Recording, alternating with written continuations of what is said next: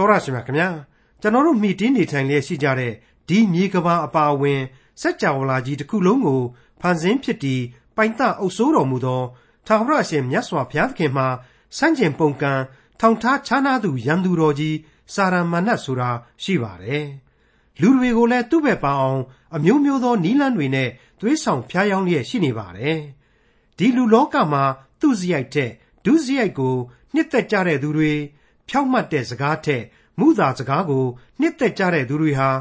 စာရမဏေရဲ့ဘက်တော်သားတွေလားဆိုတာစမ်းစစ်ထားတဲ့ ခရိယန်တမန်ကျမ်းဓမ္မဟောင်းကျမ်းိုင်းတွေက52ခု53ခုနဲ့54ခုမြောက်သောစာလံကျမ်းတွေကိုဒီကနေ့တင်ပြရသောတမန်ကျမ်းအစီအစဉ်မှာလေ့လာမှာဖြစ်ပါတယ်။ငါဟာမကောင်းတာလုပ်ပြီးချမ်းသာကြွယ်ဝနေတာဘယ်လောက်ခိုင်တယ်လဲဆိုပြီးဖျားရှင်ကိုယုံကြည်ကိုးကွယ်မဲ့အစားဖျားရှင်ရဲ့ရံဘက် စာရမဏတ်ကိုတောင်ယုံကြည်ကိုးဝယ်ကြတဲ့သူတွေဒီကဘာမှာ အထင်အရှားရှိနေပါတယ်။ဒါပေမဲ့လို့သူတို့ရဲ့အဆုံးသတ်ဏီကုံခရီးလမ်းဆုံးဟာဘယ်လိုလဲဆိုတာကို ဖော်ပြထားတဲ့52ခု53ခုနဲ့54ခုမြောက်သောစာလံကျမ်းတွေကိုဒေါက်တာထွန်းမြတ်အေးကအခုလိုလေ့လာဖော်ပြมาဖြစ်ပါတယ်။ခရစ်တော်ဆန့်ကျင်ရေးသမားငရန်ကားလို့ကျွန်တော်ပြစ်ပြစ်နစ်နစ်အမိပေးရင်းနဲ့ပယ်ပယ်နေနေဂုံပြုတ်ခဲ့တဲ့ anti crit ခေါ် Antichrist ရဲ့အကြောင်းကိုဒီကနေ့52ခုမြောက်သောဆာလံပြီးခြင်းအဖြစ်ကြားနာကြရပါတော့မယ်။သူ့အကြောင်းကိုတော့ပြီးခဲ့တဲ့ဆာလံသင်ခန်းစာတွေအတော်များများမှလေမိษွေတို့တွေ့ခဲ့ရကြုံခဲ့ရပြီးသားပါပဲ။အခုဆာလံအမှတ်စဉ်52ကနေပြီးတော့55အတွင်းမှာတော့သူသားလျင်အဓိကရဇက်ကောင်ကြီးဖြစ်နေလိမ့်မယ်လို့အနာဂတ်သိသို့မဟုတ်ဗျာဒိတ်ပြုခြင်းသဘောအရာကျွန်တော်ကြိုတင်ဖော်ပြထားနိုင်ကြပါ रे ဒီ52ကနေ55ခုမြောက်အထိဆာလံတွေဟာ အန်တိခရစ်အကြောင်းကိုဖော်ပြရင်းနဲ့လူသားတွေအတွက်လမ်းညွှန်ချက်ကောင်းတွေလည်းမြောက်များစွာပါဝင်မှာပါဒါကို mischil လို့ခေါ်တဲ့ဆာလံများဖြစ်တယ်လို့ဟေဘရဲဘာသာအားဖြင့်အတိတ်ပဲရှိကြောင်းတင်ပြထားနိုင်ကြပါ रे မိษွေများခမညာအနာဂတ်တီသို့မဟုတ်ဗျာဒိတ်ဆိုတာတွေဟာမဖြစ်ခင်မှာကြိုတင်နမိတ်ပြုသောအရာများဖြစ်ပါတယ်ကျွန်တော်လည်းပြေးကြည့်လို့မရမိษွေတို့လည်းအချိန်ကာလကြီးကိုခွကြော်ပြီးတော့တွားရောက်စစ်ဆေးနိုင်တာမျိုးမဟုတ်လေတော့ များစွာသောလူတွေကြားထဲမှာဒါရီယာစိတ်ကူးနဲ့ယူတာပဲဆိုတဲ့သဘောမျိုးအတိတ်ပဲမရှိပါဘူးဆိုတဲ့အပြောမျိုးတွေနဲ့ပြည့်ရဲ့ပြူတာလှောင်ပြောင်တာတွေရှိလိမ့်မယ်ဆိုတာသိကြပါလေဘာပဲပြောပြောနှုတ်ကပတ်တော်အသက်လမ်းကိုအတိတ်ကစပြီးတော့ဘုရားသခင်ခင်းကျင်းပေးခဲ့တဲ့နေရာမှာတော့ဒီအနာဂတ်ကျမ်းတွေနဲ့ပဲကယ်တင်ရှင်ကိုပေါ်ထွန်းစေခဲ့ခြင်းဖြစ်တယ်ကယ်တင်ရှင်တရားဟာလေဒီနီးဗျူဟာနဲ့သာလျှင်တည်ရှိခဲ့ပြီဆိုတာကိုတော့နှုတ်ကပတ်တော်ဟာရှင်းရှင်းလင်းလင်းသက်သေထူခဲ့ပါပြီ ဒါကိုလူတယောက်ဟာမယုံဘဲနေခြင်းရင်နေမယ်မျက်စိမှိတ်ပြီးတော့ညင်းရင်တော့အရှုံးနဲ့သာရင်ဆိုင်ရမှာမလွဲဧကံပဲဖြစ်ပါလေဒီတော့အခုဆာလံပီခြင်းတီတဲကအနာဂတ်တီတွေဗျာဒိတ်တော်တွေဆိုတာဟာတန်ရှင်းသောဝိညာဉ်တော်ခွန်အားကိုတောင်းခံပြီးမှကျွန်တော်ဖော်ပြရှင်းလင်းတဲ့ကြားတွေကပဲမတိမ်မဆောင်ပါပဲနဲ့တိမ်ဆောင်သွားနေသလားမှန်ပါရဲ့နဲ့မမှန်ပဲနေလီမလားဆိုတာကိုကိုကိုယ်တိုင်ခန်းစားရတဲ့အခါရှိသလို မိษွေတို့လည်းခန်းစားကောင်းခန်းစားရလိမ့်မယ်လို့ကျွန်တော်တွေးဆနားလည်မိပါတယ်နားလည်မှုရှိပါတယ်မိษွေအပေါင်းတို့ခမညာအဲ့ဒီလိုနားလည်ရန်ခက်ခဲခြင်းတွေနဲ့သာလျှင်လေဖျားသခင်ဟာတည်ရှိနေရမယ်ဆိုတာကိုကျွန်တော်ဘယ်လို့မှမငင်းနိုင်ပါဘူးမိษွေအပေါင်းတို့ရေမြက်ကန်းတစီမကြောက်ဆိုတဲ့စကားပုံရှိပါတယ်ကျွန်တော်ယုံကြည်သူတို့အဖို့ကတော့ဝိညာဏမျက်စိကန့်ပြီးတော့ဘုရားသခင်ကိုမကြောက်ဖဲမနေနိုင်ပါဘူးကျွန်တော်တို့ရဲ့ဘဝမှာလူသားလူသားပြည်ပြည်နေထိုင်ရင်းနဲ့ လူသားဘဝကိုလူသားအဖြစ်တည်ဆောက်ရင်းနဲ့လူလိုသေပွဲဝင်ပြီးတဲ့နောက်ကိုဝိညာဉ်ကလေးရဲ့လွတ်ရလန်းရဲ့လို့ဒီကဲတင်ချင်းလန်းတစ်ခုသာလျှင်အခိုင်အခန့်ရှိနေတယ်လို့ကျွန်တော်တို့ခံယူပါတယ်ဘုရားသခင်ပေးအပ်တော်မူတဲ့ဒီလန်းဟာလေဇာတိပဂရိအပြစ်လူသားအဖို့တော့ကျင်းနေသယောင်ယောင်နဲ့သိပ်ပြီးရှင်းနေတယ်လို့ကျွန်တော်ဆိုချင်ပါတယ်ဟုတ်ပါတယ်ရှောက်လှမ်းဖို့အလွန်ရှင်းပါတယ်နားလေဖို့ကြပြန်တော့လေရှုပ်ထိုက်တဲ့လောက်ရှုပ်ကိုရှုပ်ရပါလိမ့်မယ်မရှုပ်ဖဲနေနိုင်ပါမလား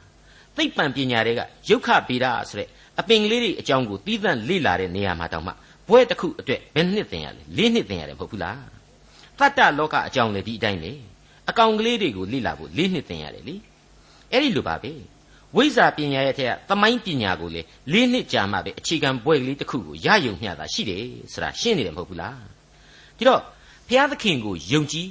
ကယ်တင်ခြင်းတရားကိုရှာဖွေနှုတ်ကပတ်တော်ကိုလိုက်စားဖို့ဆိုတာဟာ ဘလောက်များရှုပ်ထွေးခြင်းရှိမလဲဆိုတာဟာတကယ်တမ်းဆန်းစစ်လိုက်ရင်ယင်ထဲမှာဟိုက်သွားလောက်အောင်ဖြစ်ရမှာအကန့်အမှန်ပါပဲဒါမဲ့ဘာပဲပြပြောပါဒါကိုသာပညာရက်တစ်ခုအနေနဲ့သတ်မှတ်ကြည့်ဆိုရင်ထာဝရဘုရားကိုကြောက်ရွံ့ခြင်းသဘောတည်ပညာဤအချုပ်အခြာဖြစ်၏ဆိုပြီးတော့ကျွန်တော်ကသုတ်တန်ကြံကိုပဲမှီညမ်းပြီးတော့အားပေးခြင်းပါလေဟုတ်ပါတယ်ထာဝရဘုရားကိုကြောက်ရွံ့နေရတာကအသက်တာမှာအရေးအကြီးဆုံးလုပ်ငန်းကြီးတစ်ခုကိုလုပ်နေရခြင်းပဲလို့ကျွန်တော်ကတော့ပြက်ပြက်သားသားဒီနေရာမှာဆိုခြင်းပါတယ် အဲ့ဒီလိုထာဝရဘုရားကိုကြောက်ရွံ့ခြင်းအပြင်လေလူဘဝနဲ့လျော်ညီတဲ့ကောင်းကြီးမင်္ဂလာတွေကိုအရှံပဲခံစားလာရမယ်ယုံကြည်ခြင်းမှသည်မျှော်လင့်ခြင်းဝမ်းမြောက်ခြင်း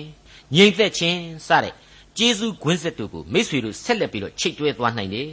ပြီးပြည့်စုံတဲ့စိတ်သစ်လူသစ်ဘဝသစ်စီတို့ရောက်ရှိသွားရလိမ့်မယ်လို့ကျွန်တော်အနေနဲ့တင်ပြလိုက်ပါတယ်အခုအချိန်မှာတော့ခရစ်တော်ဆန့်ကျင်ရေးသမားငရန်ကားသို့မဟုတ် antichrist လို့ခေါ်တဲ့ antichrist ကိုဗဟိုပြုထားတဲ့ 52ခုမြောက်သောဆာလံကိုစတင်နိုင်ဖို့မူရင်းဟေပြဲဘာသာကဒီ52ခုမြောက်သောဆာလံကိုဘယ်လိုဘယ်လိုအညွှန်းပြုထားတဲ့အကြောင်းနားဆင်ကြည့်ကြပါအောင်စို့ To the chief musician Mischil a son of David when Doeg the Edomite came and told Saul and said unto him David is come to the house of Ahimelech အဲ့ဒီလိုဆိုပြီးတော့ဒီကျမ်းကိုကပီးထိုးပေးထားပါတယ်အညွှန်းပြုပေးထားပါတယ် အတိတ်ပဲကတော့ဒါဝိဒ်ဟာအဟိမလက်ဆိုတဲ့ယေပရောဟိတ်ရဲ့တဲတော်ကိုဝင်တယ်အဟိမလက်ကလည်းဒါဝိဒ်ကိုလက်ခံပြီးတော့ကျွေးမွေးပြုစုတယ်ဆိုတာကိုအေရုံအမျိုးသားဒေါကဆိုတဲ့လူဟာဒါဝိဒ်ကိုလိုက်သက်နေတဲ့ရှောလူဘရင်စီကိုဝင်ပြီးတော့ဂရုံးကြိုက်လုတ်တဲ့အချိန်မှာဒါဝိဒ်ဆက်ဆူလိုက်တဲ့ဆာလံလို့အတိတ်ပဲရှိပါတယ်မိတ်ဆွေအပေါင်းတို့ခမညာအဲ့ဒီအချိန်ကာလမှာရှောလူတယောက်ဒါဝိဒ်ကိုအမုန်းကြီးမုန်းပြီးတော့တွေ့ရသင်ချိုင်းဓာမဆိုင်ဆိုသလိုလိုက်သတ်နေတဲ့အချိန်ဖြစ်ပါတယ် ဒါဝိမင်းကြီးခမရမှာငတ်ပြတ်နေလို့သူ့နောက်လိုက်တွေ့နေအဲ့ဒီယစ်ပရောဟိတ်အဟိမလက်ရဲ့နောဘာဆိုတဲ့မြို့ကတဲတော်ကိုရောက်တဲ့အချိန်မှာအဲ့ဒီအဟိမလက်ယစ်ပရောဟိတ်ကြီးစမှာရစ်ပူဇော်ထားတဲ့ရှေ့တော်မုံကိုအသနာခံပြီးတော့သူလဲစားတယ်သူ့တပည့်တွေကိုလည်းကျွေးမွေးပြုစုခဲ့တယ်အဲ့ဒါကိုရှောလူရဲ့အမှုတန်းသိုးရင်းအုပ်ဖြစ်တဲ့ဒေါဂကနေပြီးတော့တွေ့သွားပြီးတော့ရှောလူမင်းကြီးစီကိုသွားပြီးတော့ဂုံးတိုက်ခဲ့တာပဲဖြစ်ပါတယ်ကျွန်တော်စောစောတုန်းကပြောတာ ဒါဝိဒ်မင်းကြီးဆိုပြီးပြောခဲ့တယ်အမှန်မှာတော့အဲ့ဒီချိန်မှာဒါဝိဒ်ဟာမင်းမဖြစ်သေးဘူးရှောလူလိုက်သက်ခြင်းကိုခံရတဲ့ဝရံပြေးဘဝပေါ့အဲ့ဒါနဲ့ပဲဒါဝိဒ်ကိုမင်းကူအကောင်းလားဆိုပြီးတော့ရှောလူဟာအဟိမလက်နဲ့တကွအခြားယေပရောဟိတ်တွေကိုအပါ85ယောက်တောင်မှဓာတ်နဲ့ခုတ်သတ်ပစ်တယ်ဆိုတာကိုတွေ့ရပါတယ်ဒါတွေကိုဓမ္မရာဆိုရင်ပထမစာဆောင်အခန်းကြီး21 22တို့မှာမိတ်ဆွေတို့ပြန်လည်လေ့လာနိုင်မှာဖြစ်ပါတယ်ဆရာကြီးယူရတန်ကနေပြီးတော့ ကျွန်တော်အခုအကျယ်ချက်တင်ပြခဲ့တဲ့ခေါင်းစဉ်ကိုမူရင်းဟေပြဲစာပေအတိုင်းအတိအကျဘာသာပြန်လိုက်တာကတော့ဒါဝိဒ်သည်အဟိမလက်အိမ်သို့ရောက်ကြောင်းကိုအေဒုံအမျိုးသားဒေါဂသည်ရှောလူထံသို့လာ၍ရှောက်သောအခါဆက်ဆူသောဆာလံရဲ့လို့ဖြစ်ပါတယ်52ခုမြောက်သောဆာလံအငယ်1မှ4ကိုစတင်နားဆင်ကြည့်ကြပါစို့အာကြီးသောအချင်းလူသင်သည်သူ့အကျိုးကိုဖျက်ခြင်းအမှု၌အဘယ်ကြောင့်ဝါကြွားသနည်း ဖျားသခင်ဤဂယုနာတော်သည်အစင်မပြတ်တည်သင်ဤရှာသည်ခက်သောတင်တုံးကဲ့သို့လှည့်စားသဖြင့်သူ့အကျိုးကိုဖျက်ခြင်းအမှုကိုပြုစုတတ်၏သင်သည်သူစရိုက်တဲ့ဒုစရိုက်ကို၎င်းဖြောက်မတ်သောစကားတဲ့မှုသာစကားကို၎င်းသာ၍နှစ်သက်တတ်၏အိုးလှည့်စားတတ်သောရှာသင်သည်ပျက်စီးသောစကားရှိသမျှတို့ကိုနှစ်သက်တတ်၏လူယုံမှာဒေါကတယောက်ကတော့ဖြင့်ဒါဝိဒ်ကိုဂုံချောခဲ့ပြီးပြီ ပြီးတဲ့နောက်မှာတော့ဒါဝိဒ်ကိုမဆာကူညီခဲ့တဲ့ယေပရောဟိတ်အဟိမလက်ရဲ့အဟိမလက်ရဲ့တခြားယေပရောဟိတ်ငယ်တွေရဲ့ကိုသတ်ဖြတ်ပစ်ဖို့ပက်ပက်ဆက်ဆက်ကြံစီခဲ့ပြီဆိုတာကိုဒါဝိဒ်ရဲ့ယင်တွေကသိပါတယ်အဲ့ဒါဟာဘုရားသခင်ဘက်တော်ကလူကိုစာရမဏတ်ဘက်ကအန်တိခရစ်ရဲ့လုပ်ပုံအချိုးပါပဲတိသူများရဲ့အကျိုးကိုဖျက်ဆီးပစ်တယ်အဲ့ဒီလိုသူများဒုက္ခရောက်ရင်ဝန်းသာတယ်နှစ်ကို့ပါဇက်ပေါက်ဟာကလိန်ကြတဲ့ပါဇက် အမျိုးမျိုးကြပြောင်းကြပြန်ပြောတတ်တဲ့ပါဇက်ဖြစ်တယ်သုံးကောင်းမြတ်တာကိုမပြောခြင်းဘူးမကောင်းမကန်းကိုပြောရမှအရသာရှိတဲ့ပါဇက်မျိုးဖြစ်တယ်တဲ့မိษွေအပေါင်းတို့ကျွန်တော်တို့ငငယ်တုန်းကပြင်ဦးလွင်က Colgate Memorial High School လို့ခေါ်တဲ့နှစ်ချင်းခရစ်ယာန်အထက်တန်းကျောင်းမှာနေခဲ့ရပါတယ်သာသနာကျောင်းပြီးပြီးကျောင်းအုပ်ဆရာမကြီးဒေါ်ထွားရီကအစဆရာဆရာမတွေအကုန်လုံးဟာသိပြီးတော့စိတ်သဘောထားပြေဝခဲ့တယ်နူးညံ့သိမ်မွေ့ခဲ့တယ် တပည့်လေးတွေကိုလည်းမိဘနဲ့သားသမီးများလိုပဲပြောဆိုဆုံးမမှုပြုခဲ့တယ်ဆိုတာကိုကျွန်တော်တို့တွေ့ခဲ့ရပါတယ်ကျွန်တော်ခန်းစားခဲ့ရပါတယ်ကျွန်တော်အဖို့ဒီဆရာဆရာမတွေကိုတသက်လုံးမေ့နိုင်ပွဲမရှိပါဘူးသူတို့ရဲ့အဆုံးအမတွေတဲကဆရာမဒေါ်ဖွားကြီးဆိုတဲ့မေမျိုးသင်းအုပ်ဆရာကြီးဥက္ကိုကိုကြီးရဲ့ဇနီးဒေါ်ဖွားကြီးဆုံးမတဲ့အဆုံးအမကိုကျွန်တော်မမေ့နိုင်ပါဘူးလောကကြီးမှာတဲ့အကောင်းနဲ့မကောင်းနှစ်ခုကိုကျွန်တော်တို့ဟာခွဲခြားနိုင်ရမယ်အကောင်းကိုရွေးချယ်ပြီးတဲ့နောက် မကောင်းတာကိုရှောင်ကျဉ်ဖို့တတ္တိကိုလည်းမွေးရမယ်ဆိုတဲ့အဆုံးအမကိုကျွန်တော်ယင်ထဲမှာစွဲနေအောင်ဆ iam ဟာတွင်တင်ပေးခဲ့ပါတယ်အဲ့ဒီလိုပါပဲဆရာကြီးဥမမောင်ဆိုတဲ့ပုဂ္ဂိုလ်ကတော့စဉ်းစားဆိုတဲ့အချက်ကိုသင်ပေးပါတယ်နော်အီလင်းဆိုတဲ့ဆရာမကတော့ကျွန်တော်ရန်ကုန်ကိုကြောင်းပြောင်းရတော့မယ်အချိန်မှာသားရည်တဲ့လူကောင်းသူကောင်းလေးတယောက်လို့သာမင်းကိုအမြဲမြင်ပြရစီကွယ်တဲ့အခုအသက်ကြီးလာလို့ပြန်ပြီးစဉ်းစားကြည့်လိုက်တော့ ဒီဆရာဆရာမတွေတယောက်မှမရှိကြတော့ဘူးသူတို့ဆုံးမတဲ့အတိုင်းကိုကရောစံချိန်မှီရလားဆိုတော့လေမမှီနိုင်ခဲ့ပါဘူးရာနှုံးပြည့်မမှီနိုင်ခဲ့ပါဘူးဒါပေမဲ့အသက်တာမှာဘုရားသခင်ကိုအနည်းငယ်လောက်မေ့လိုက်တာနဲ့အနှုတ်လက္ခဏာအသက်တာဘက်ကိုကုသန့်သွားရတယ်ဘုရားသခင်ကိုအောက်မေ့သတိရလိုက်တာနဲ့အပေါင်းလက္ခဏာကိုဆောင်းသွားတယ်ဒီအချက်ကိုတော့ဘယ်လို့မှမငြင်းနိုင်ဘူးဘာဖြစ်လို့လဲဆိုတော့ဒါဝိမင်းကြီးအခုဖော်ပြခဲ့တဲ့စာရန်တကူတွေဟာ ကိုယ့်ကိုလွယ်လင့်တကူဆွဲခေါ်သွားနိုင်လို့ဖျားသခင်ကိုအစဉ်တစိုက်မမေ့မလျော့နေရမယ်ဆိုတဲ့တစ္ဆာတရားကိုရှာဖွေတွေ့ရှိလာခဲ့ရပါတယ်အဲ့ဒီလိုဖျားသခင်သာမရှိရင်မဖြစ်ဘူးဆိုတဲ့အချက်ကိုဒါဝိမင်းကြီးအခုလိုဆက်လက်ဖော်ပြပေးလိုက်ပါတယ်52ခုမြောက်သောဆာလံအငယ်9မှ9အကယ်စင်စစ်ဖျားသခင်သည်သင်ကိုအစဉ်အမြဲချိုးဖျက်ပယ်ရှင်းလျက်သင်၏နေရာတွေကနှင်ထုတ်၍အသက်ရှင်သောသူတို့၏နေရာတွေကနှုတ်ပစ်တော်မူမည် ဖြောင့်မတ်သောသူတို့သည်မြင်၍ကြောက်ရွံ့ကြလိမ့်မည်ဖျားသခင်ကိုမခိုလှုံမိမိဥစ္စာကြွယ်ဝခြင်း၌ကိုးစား၍မိမိဒုစရိုက်၌ခိုင်ခံ့သောသူကိုကြည်ပါဟု၍သူ၌ရေကြလိမ့်မည်ငါမူကားဖျားသခင်၏အိမ်တော်၌စိမ့်လန်းသောတန်လွင်ပင်ကဲ့သို့ဖြစ်၍ဖျားသခင်၏ဂိယုနာတော်၌ကာလအစဉ်အမြဲကိုးစားမည်ကိုတော်စီရင်တော်မူသောကြောင့်အကျွန်ုပ်သည်ကိုတော်ကိုကာလအစဉ်အမြဲချီးမွမ်းပါမည်ကောင်းမြတ်တော်မူသောကြောင့် ကိုတော်ဤတန်ရှင်းသူတို့ရှေ့မှနာမတော်ကိုမျှော်လင့်ပါမည်သင်ငန်းစာယူစရာတွေအမြောက်အများရှိနေပါတယ်ဖြောင့်မတ်တဲ့လူတွေတနည်းအားဖြင့်ဘုရားသခင်ရဲ့ဘက်တော်သားတွေတောင်းမှသူ့ကိုပြန်ပြီးတော့ကြောက်လန့်ရတဲ့အဆင့်ကိုရောက်လာမယ်။ကြပြောင်းကြပြန်ခစ်ကာလာကြီးတဲ့မိษွေအပေါင်းတို့အခုကျွန်တော်ပြောနေတာမျိုးဓမ္မဒေသနာတော်မျိုးကိုပြောင်ပြောင်တင်းတင်းမပြောရဲတော့မယ့်အချိန်မျိုးသစ္စာတရားကိုတောင်မှပြောင်ပြောင်တင်းတင်းမဆောင်ရှောက်ဝတ်တဲ့အချိန်မျိုး တစ်ချိန်တစ်ခါမှရောက်လာအောင်မယ်ဆိုတဲ့အနာဂတ်ဗျာဒိတ်ကိုဒီဆာလံမှာကျွန်တော်တို့သဘောပေါက်နိုင်ပါတယ်စာရန်ဘက်တော်သား anti christ ဟာငွေနဲ့စီးစိမ်နဲ့ပေါက်ပြီးတော့ကဘာကိုလွှမ်းမိုးသွားလိမ့်မယ်။ဩဇာဖြန့်ကျက်နိုင်လိမ့်မယ်ဆိုတာကိုဆာလံဆရာဟာကြိုတင်ပြရိပ်ပြုလိုက်ပါတယ်။ဒီကနေ့ဒီအချိန်မှာကိုအဲ့ဒီလိုဖြစ်စပြုနေပြီဆိုတာကတော့အသေးချာပဲလို့ကျွန်တော်ယုံကြည်ပါတယ်။နိုင်ငံရေးလောကမှာတောင်မှ ပိုက်ဆံနိုင်ငံရေး money politics ဆိုတဲ့ဝေါ်ဟာရပေါ်နေပြီ။လူတွေရဲ့ကြွယ်ဝချမ်းသာမှုနဲ့ဆင်းရဲတွင်းနှက်မှုတို့ဟာလေတနေ့တည်းတနေ့ပိုကဲပြီးကြီးထွားလာနေပြီလို့ကျွန်တော်ခန်းစားမိပါတယ်။ဘယ်လိုပဲဖြစ်ဖြစ်ပါခရစ်တော်ဆိုတဲ့ကယ်တင်ရှင်ရဲ့ဘက်မှာနာမတော်ကိုအစဉ်တစိုက်ယူတင်ဝတ်ဆောင်ထားကြရပါမယ်ဒါဆိုရင်အဲ့ဒီယုံကြည်သူဟာပထမမြောက်ဆာလံတဲကအတိုင်းပဲအစဉ်တစိုက်မင်္ဂလာရှိသောသူဖြစ်နေရလိမ့်မယ်ဆိုတာကိုဆာလံဆရာဟာအခိုင်အမာဆိုဖွဲ့လိုက်ပါတယ် မိတ်ဆွေတော်တတ်ရှင်အပေါင်းတို့အခုအချိန်မှာကျွန်တော်တို့53ခုမြောက်သောဆာလံကိုဆက်လက်လေ့လာပါမယ်အန်တီခရစ်သို့မဟုတ်ခရစ်တော်ဆန့်ကျင်ရေးသမားငရန်ကားကြီးကောင်းစားတဲ့ကာလမှာငရန်ကားအဖွဲ့ဝင်တို့ငရန်ကအသေးစားကလေးတွေတို့သူတို့တွေဟာလည်းအများကြီးရှိနေမှာသိကြပါတယ်အဲ့ဒီအဖွဲ့အစည်းကြီးရဲ့အရှုပ်ထုတ်ကြီးအကြောင်းကိုဆာလံဆရာအခုလိုဖော်ပြလိုက်ပါတယ်53ခုမြောက်သောဆာလံအငယ်1မှ3 ဖျားသခင်မရှိဟုမိုက်သောသူသည်ထင်တတ်၏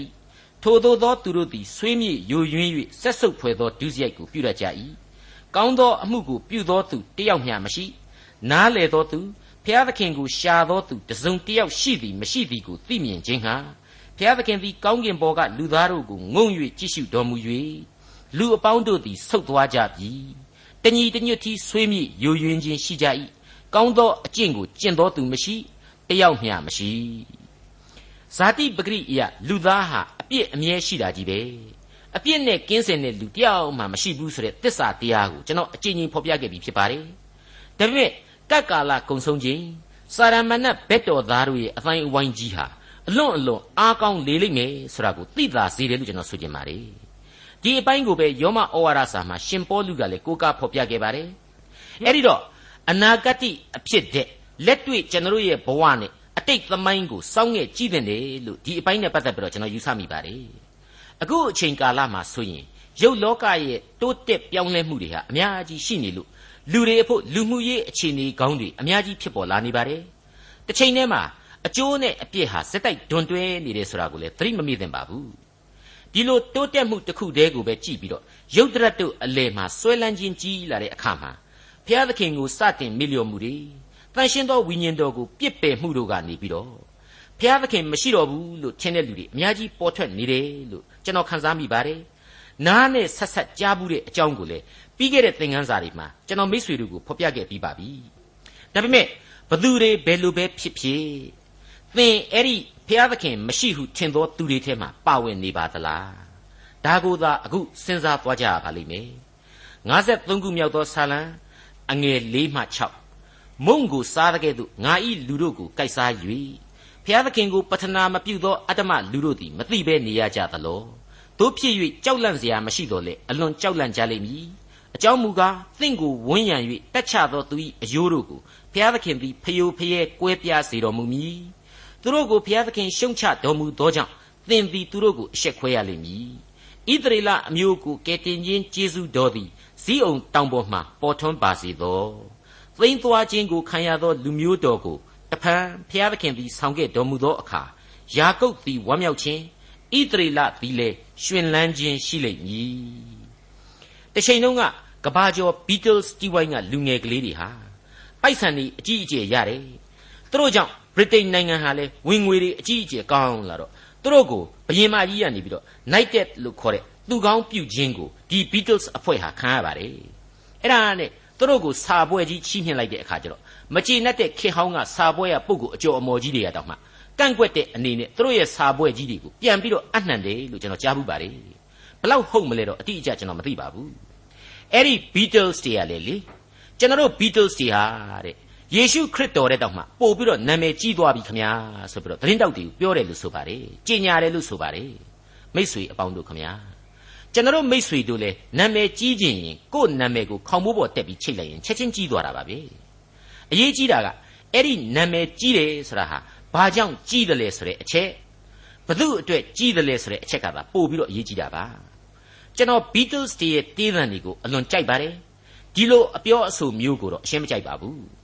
ဒါဟာလောကမြေပြင်ရဲ့လူအဖွဲ့အစည်းမှာစာရမဏတ်ရဲ့လက်ရာတွေရှိနေတယ်ဆိုတာကိုထင်ရှားစေတယ်လို့ကျွန်တော်သုံးသပ်မိပါတယ် ဘီတလ်စာမကသေးပါဘူးတက္ကသိုလ်ပညာတတ်ကြီးတွေအတွေးအခေါ်ပညာရှင်ကြီးတွေနိုင်ငံရေးသူခမိန်ကြီးတွေသူတို့ဟာလည်းပဲဒီလိုပဲစာရမဏတ်ရဲ့ဆွဲငင်အားတွေနဲ့ဖောက်ပြန်ပျက်စီးမှုတွေအများကြီးရှိနေတာကိုယဉ်နှင့်ပွေကျွန်တော်တို့တွေ့နေရပါတယ်ဒါဝိဒ်ကတော့သူ့ရဲ့လင်္ကာမှာအပိအပြင်းဖွင့်ဆိုလိုက်ပါတယ်ကျွန်တော်အနေနဲ့ကတော့53ခုမြောက်သောဆာလံကိုဖတ်ရှုရင်းနဲ့ကိုယ်စိတ်ထဲမှာပေါ်လာတဲ့အတိုင်းပဲတွေ့မြင်ရလိမ့်မည်ဆိုတဲ့ကြပြားကိုစိုးဖွဲ့ပြခြင်းပါတယ်တွေ့မြင်ရလိမ့်မည် ဖျားသခင်မရှိထင်လေသည့်ငမိုက်သာသင့်ဘဝတိုင်းဘိုင်းဘိုင်းဖျူဖျဲတနေ့နေ့ပြိုလဲရလိမ့်မည်ကွဲပြား၍မတည်ငြိမ်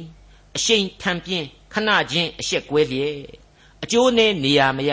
သင့်ဘဝအမြင့်မှတခဏလွင့်ခါကြသွားရလိမ့်မယ်။ကြိုးစားဖွေရှာကယ်တင်မှုသင်တွေ့လိမ့်မည်ရှင်ယေရှုအဲ့ဒီလိုဖြစ်ပါတယ်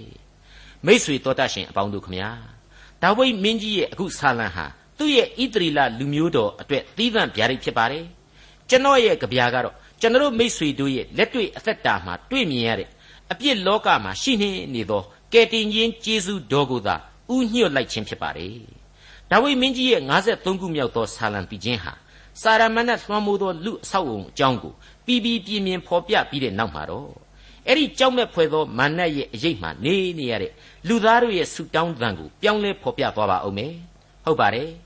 ဒီဆူတောင်းသံကိုတော့ဒါဝိဒ်သည်ကျွန်တော်တို့တွင် ပုန်းရှောင်၍နေပါသည်မဟုတ်လောဟုဇိဖသားတို့သည်ရှောလူထံသို့လာ၍လျှောက်သောအခါဆက်ဆူသောဆာလံဆိုတဲ့ခေါင်းစဉ်နဲ့54ခုမြောက်သောဆာလံမှာဆက်လက်တွေ့ရမှာဖြစ်ပါတယ်။အဲ့ဒီဇိဖသားတွေဟာဒါဝိဒ်ကိုအကြီးအကျယ်တစ္ဆာဖောက်ပြီးတော့ဒါဝိဒ်ကိုတတ်ချင်းနေတဲ့ဘယင်ရှောလူစီမှာ အထက်သင်္ကန်းစာကဒေါကလိုပဲတွားရောက်ဂုံချောခဲ့တာဖြစ်ပါတယ်။ဒါကိုဓမ္မရာဆိုရင်ပထမစာဆောင်23မှာပြန်တွေ့နိုင်မှာဖြစ်ပါတယ်။အခု54ခုမြောက်သောဆာလံအငယ်1မှ3ကိုစတင်နားဆင်ကြကြပါစို့။အိုဖျားသခင်နာမတော်အားဖြင့်အကျွန်ုပ်ကိုကယ်တင်တော်မူပါတကိုးတော်အားဖြင့်အကျွန်ုပ်ဘက်၌တရားစီရင်တော်မူပါအကျွန်ုပ်ပြုသောပတ္ထနာနှင့်အကျွန်ုပ်မွဲ့သောစကားကိုနားထောင်နားညောင်းတော်မူပါဖျား အကြောင်းမူကားတကြွတနိုင်ငံသားတို့သည်အကျွန်ုပ်ကိုရံပက်ပြု၍ထားကြပါပြီကြမ်းတမ်းသောသူတို့သည်အကျွန်ုပ်အသက်ကိုရှာကြပါ၏ဖျားသခင်၏မျက်နှာတော်ကိုမထောက်ကြပါဒီနေရာမှာကျွန်တော်ကဆာလံတီချင်းဖော်ပြချက်နဲ့အတူဓမ္မရာဆိုရင်ပထမစာဆောင်ကိုပါဖတ်ကြည့်ရင်စဉ်းစားကမ်းဖွင့်မိပါတယ်အခုအပိုင်းမှာဒါဝိဒ်ဟာသူ့ကိုအကောက်ကျမ်းနေတဲ့ဇိဖသားတွေကိုဖျားသခင်မျက်နှာတော်ကိုမထောက်တဲ့လူတွေလို့ဖော်ပြလိုက်ပါတယ် ဒါပေမဲ့အဲ့ဒီလူဖျားသခင်မျက်နှာတော်ကိုမထောက်တဲ့လူတွေကိုပဲရှောလူဘယင်ကြပြန်တော့လေဖျားသခင်ကောင်းကြီးပေးပါစေဆိုပြီးတော့ပြောခဲ့တာကိုတွေ့ရလို့ပါပဲရည်စရာမကောင်းဘူးလားဟုတ်ပါတယ်ဒီအကြောင်းတွေကိုသေချာလေ့လာနိုင်ဖို့အတွက်ဓမ္မရာဆိုရင်ပထမစာဆောင်အခန်းကြီး23အငယ်16ကနေ22ကိုဖတ်ပြပါရစေတဖန်ဇိဖသားတို့သည်ရှောလူရှိရာဂိဗာမြို့သို့လာ၍ဒါဝိဒ်သည်ကျွန်တော်တို့နေရာ ယေရှိမုန်မြို့တောင်ဘက်မှဟခိလတောကျူတောင်ကြား၌ပုံလျက်နေသည်ဖြစ်၍အရှင်မင်းကြီးကြွကျင်သောစိတ်အားကြီးသည့်အတိုင်းကြွတော်မူပါထိုသူကိုအရှင်မင်းကြီးလက်တော်သို့အပ်သောအမှုသည်ကျွန်တော်တို့တာရှိပါစေဟုလျှောက်လျင်ရှောလူကသင်တို့သည်ထာဝရဘုရားကောင်းကြီးပေးတော်မူသောသူဖြစ်ပါစေသောသင်တို့သည်ငါ့ကိုတနာကြပြီယခုသွား၍ပြင်ဆင်ကြလော့သူပုန်းရှောင်၍နေရာကို၎င်းအဘဲသူမြင်ပြီးသည်ကို၎င်း စူးစမ်းကြလော့ထိုသူသည်အလွန်လိမ္မာသည်ကိုငါကြား၏ထို့ကြောင့်သူပုန်းရှောင်ခိုလှုံရာအရရတ်တို့ကိုသေချာစွာကြည့်ရှုမှတ်သားပြီးမှငါထံသို့တဖန်လာကြလျင်သင်တို့နှင့်အတူငါလိုက်မည်ကဲပြီးတော့ဖျားသခင်ကိုပဲလူသားဟာကိုပိုင်နဲ့သူ့ပိုင်နဲ့လှုပ်တတ်ကြတယ်ဆိုတာဟာရေစရာကြီးဖြစ်နေပြီမဟုတ်ဘူးလားအမှန်တော့စိတ်ဝိညာဉ်ကိုသိတဲ့ဘုရားသခင်ကိုကိုလိုရာဆွဲတယ်လို့ဆွဲလို့မရကောင်းနိုင်ပါဘူး ဘုရားသခင်ဟာဒါဝိဒ်ဘက်မှသာရှိခဲ့ပါတယ်ဘာဖြစ်လို့လဲဆိုတော့ဒါဝိဒ်ဟာဘဝကိုဘုရားသခင်စီမှသာအကျွင့်မဲ့ဆက်ကပ်ပြီးတော့ဘုရားသခင်ကိုအစဉ်ဦးစားပေးခဲ့ခြင်းဖြစ်လို့ပါပဲအဲ့ဒီဓမ္မရာဆိုရင်ပထမစာဆောင်အစပိုင်းဒီမှာဒါဝိဒ်ရဲ့ယုံကြည်ခြင်းကိုအခုလိုပြန်ပြီးတွေ့ရပါတယ်အဲ့ဒီဓမ္မရာဆိုရင်ပထမစာဆောင်အခန်းကြီး23အငယ်1မှ9ကိုဖတ်ကြည့်ကြပါဦးဖိလိတိလူတို့သည်ကိလမြို့ကိုတိုက်၍ကောက်နယ်တလင်းတို့ကိုလူယူကြောင်းကိုဒါဝိဒ်သည်ကြားသောအခါ အကျွန်ုပ်သည်ဖိလိတိလူတို့ကိုသွား၍လှုပ်ကြံရပါမည်လောဟုထာဝရဘုရားအားမေးလျှောက်လျင်ထာဝရဘုရားကသွားလော့ဖိလိတိလူတို့ကိုလှုပ်ကြံ၍ကိလမြို့ကိုကယ်တင်လော့ဟုဒါဝိဒ်အားမိန့်တော်မူ၏ဒါဝိဒ်၏လူတို့ကလည်းငါတို့သည်ယူရပြည်၌ပင်ကြောက်ကြ၏ထိုမြမကကိလမြို့သို့ရောက်၍ဖိလိတိဗိုလ်ကြီးတို့နှင့်စစ်ပြိုင်သောအခါသာ၍ကြောက်เสียရှိပါသည်တကားဟုဆိုကြ၏တဖန်ဒါဝိဒ်သည်ထပ်၍ထာဝရဘုရားအားမေးလျှောက်လျင်ထာဝရဘုရားက ထ၍ကိလမြို့သို့သွားလော့ဖိလိတိလူတို့ကိုသင့်လက်၌ငါအပ်မည်ဟုမိန့်တော်မူသည့်အတိုင်းဒါဝိဒ်နှင့်သူ၏လူတို့သည်ကိလမြို့သို့သွား၍ဖိလိတိလူတို့နှင့်တိုက်သဖြင့်ထိုသူတို့၏တိရစ္ဆာန်များကိုယူ၍သူတို့ကိုကြီးစွာသောလှုပ်ကြံခြင်းအပြင်သတ်ကြ၏ထိုသို့ဒါဝိဒ်သည်ကိလမြို့ကိုကယ်တင်လေ၏တဲ့မိတ်ဆွေအပေါင်းတို့ဖျားသခင်သာကိုယ့်ဘက်မှာရှိနေတယ်ဆိုရင်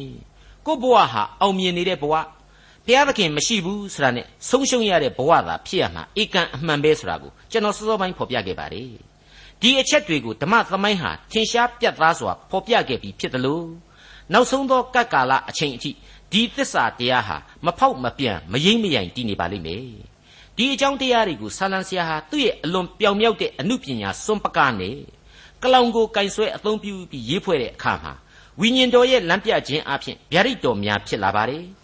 ဘုရားသခင်ပေးသနာတော်မူသောကယ်တင်ရှင်ကျေးဇူးတော်နဲ့အသက်လမ်းခရီးကိုဖြစ်ပွားစေခဲ့တယ်လို့ကျွန်တော်ခံယူပါတယ်။ခက်ခဲနဲ့နဲ့တဲ့အတိတ်ဘယ်တွေဖြစ်တာကိုမငြင်းနိုင်ပါဘူး။ဒါပေမဲ့ဒီလမ်းဟာကျွန်တော်ပြောခဲ့တဲ့အတိုင်းကျင်းတယ်ထင်ရတဲ့လောက်ရှင်းတယ်။ရှောက်သွားဖို့လေလူသားတိုင်းအတွက်အလွန်လွယ်ကူလိမ့်မယ်လို့ကျွန်တော်တင်ပြလိုက်ပါတယ်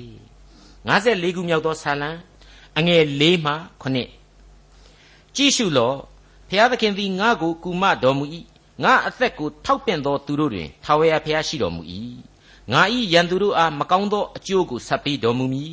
သစ္စာတော်ရှိသည့်အတိုင်းသူတို့ကိုပယ်ရှင်းတော်မူပါအကျွန်ုပ်သည်လည်းစေတနာစိတ်နှင့်ကိုတော်အားရစ်ပူဇော်ပါမည်အိုးထာဝရဘုရားနာမတော်ကိုချီးမွမ်းပါမည်အကြောင်းမူကားကောင်းမြတ်တော်မူ၏အကျွန်ုပ်ကိုခတ်သိမ်းသောဒုက္ခတွေကကယ်နှုတ်တော်မူသဖြင့်အကျွန်ုပ်သည်ရန်သူတို့ကိုကိုမျက်စိနှင့်မြင်၍အားရပါ၏ ဒေါသယသမြောက်သောကြမ်းပိုင်များဖြစ်ပါတယ်ဒါကိုမငင်းပါဘူးဓမ္မရာဇဝင်ကဖော်ပြခဲ့တဲ့စစ်ရဲ့အနိဋ္ဌာယုံများကိုပြန်လည်ဖတ်ရှုရင်းနဲ့ဝိညာဉ်ရေးအတိတ်ပဲများကိုပုံမစုံလင်စွာတွေ့မြင်နိုင်ရလိမ့်မယ်လို့ကျွန်တော်တင်ပြလိုက်ပါတယ်မိတ်ဆွေတော်တတ်ရှင်အပေါင်းတို့ခမညာအလွန်ကြမ်းတမ်းခက်ခဲတဲ့လူဘဝအသက်တာခရီးရဲ့စစ်မီလီယံတို့ကြားကဖြစ်ရတဲ့အပေါ်မှာအခြေပြုထားတဲ့ဒီဆာလံတည်ခြင်းတွေဟာဣသရေလမှသည်ကဘာနှင့်ချီ၍ ဘုရားသခင်သိစေခြင်းတဲ့အချက်တွေကိုဖော်ကျူးတင်ပြနေပါတယ်အဓိကအားဖြင့်တော့အသက်လမ်းနဲ့အပြက်လမ်းအဲ့ဒီလမ်းကြောင်းနှစ်ခုပေါ်ကမင်္ဂလာရှိသောခရစ်တော်ရဲ့လူသားနဲ့မတရားသောစာရန်လူသားတို့ရဲ့ဖြစ်ရတဲ့ကိုရှင်းလင်းပြတ်သားစွာဖော်ပြလျက်ရှိနေပါတယ်ကျွန်တော်ရွေးချယ်ရမယ့်လမ်းများဟာဘယ်လမ်းဖြစ်တယ်ဆိုတာကိုလေအလွန်သိမ်မွေ့နူးညံ့စွာနဲ့သွေးဆောင်ဖော်ပြနေတယ်လို့ကျွန်တော်ခံယူပါတယ်မိษွေအပေါင်းတို့ကျွန်တော်အနေနဲ့ 53ခုမြောက်သောဆာလံကိုဖတ်ရှုရင်းနဲ့တွေ့မြင်ရလိမ့်မည်ဆိုတဲ့ကြပြားလေးကိုဆိုဖွဲ့ခဲ့တာကိုအခုတကြော့ပြန်ပြန်လည်ဖတ်ရပြပါမယ်တွေ့မြင်ရလိမ့်မည်ဖျားသခင်မရှိထင်လေသည့်ငမိုက်သာသင့်ဘဝတိုင်းဘိုင်းဘိုင်းဖျူဖျေတနေ့နေ့ပြူလဲရလိမ့်မည်ကွဲပြား၍မတည်ငြိမ်အရှိန်ထံပြင်းခဏချင်းအရှက်ကွဲလျက်အကျိုးနဲ့နေရာမရသင့်ဘဝအမြင့်မှတခဏ လွင့်ခါကြသွားလိမ့်မယ်ကြိုးစားဖွေရှာကဲတင်မှုသင်တွေ့လိမ့်မည်ရှင်ယေရှုလို့ဖြစ်ပါတယ်ကျွန်တော်ရွေးချယ်ရမယ့်အသက်တာလမ်းဟာကယ်တင်ရှင်သခင်ယေရှုဥဆောင်တဲ့အသက်လမ်းဖြစ်ထိုက်ပါတယ်နောက်တနေ့အစီအစဉ်များအတွက်ကျွန်တော်အကောင်းဆုံးပြင်ဆင်ပြီးတော့ဆက်လက်တင်ပြသွားအောင်မှာမို့စောင့်စားနားဆွင့်ကြပါရန်မေတ္တာရက်ခံရင်းနဲ့ဒီကနေ့အစီအစဉ်ကိုခဏရန်နာကြပါအောင်စို့ ဒေါက်တာထွန်းမြတ်ရေးစီစဉ်တင်ဆက်တဲ့တင်ပြတော်တမချန်းအစီအစဉ်ဖြစ်ပါတယ်နောက်တစ်ချိန်အစီအစဉ်မှာခရိယန်တမချန်းဓမ္မဟောင်းကျမ်းပိုင်းမှာပါရှိတဲ့55ခုမြောက်သောစာလံကျမ်းကိုလေ့လာမှဖြစ်တဲ့အတွက်စောင့်မျှော်နားဆင်နိုင်ပါတယ်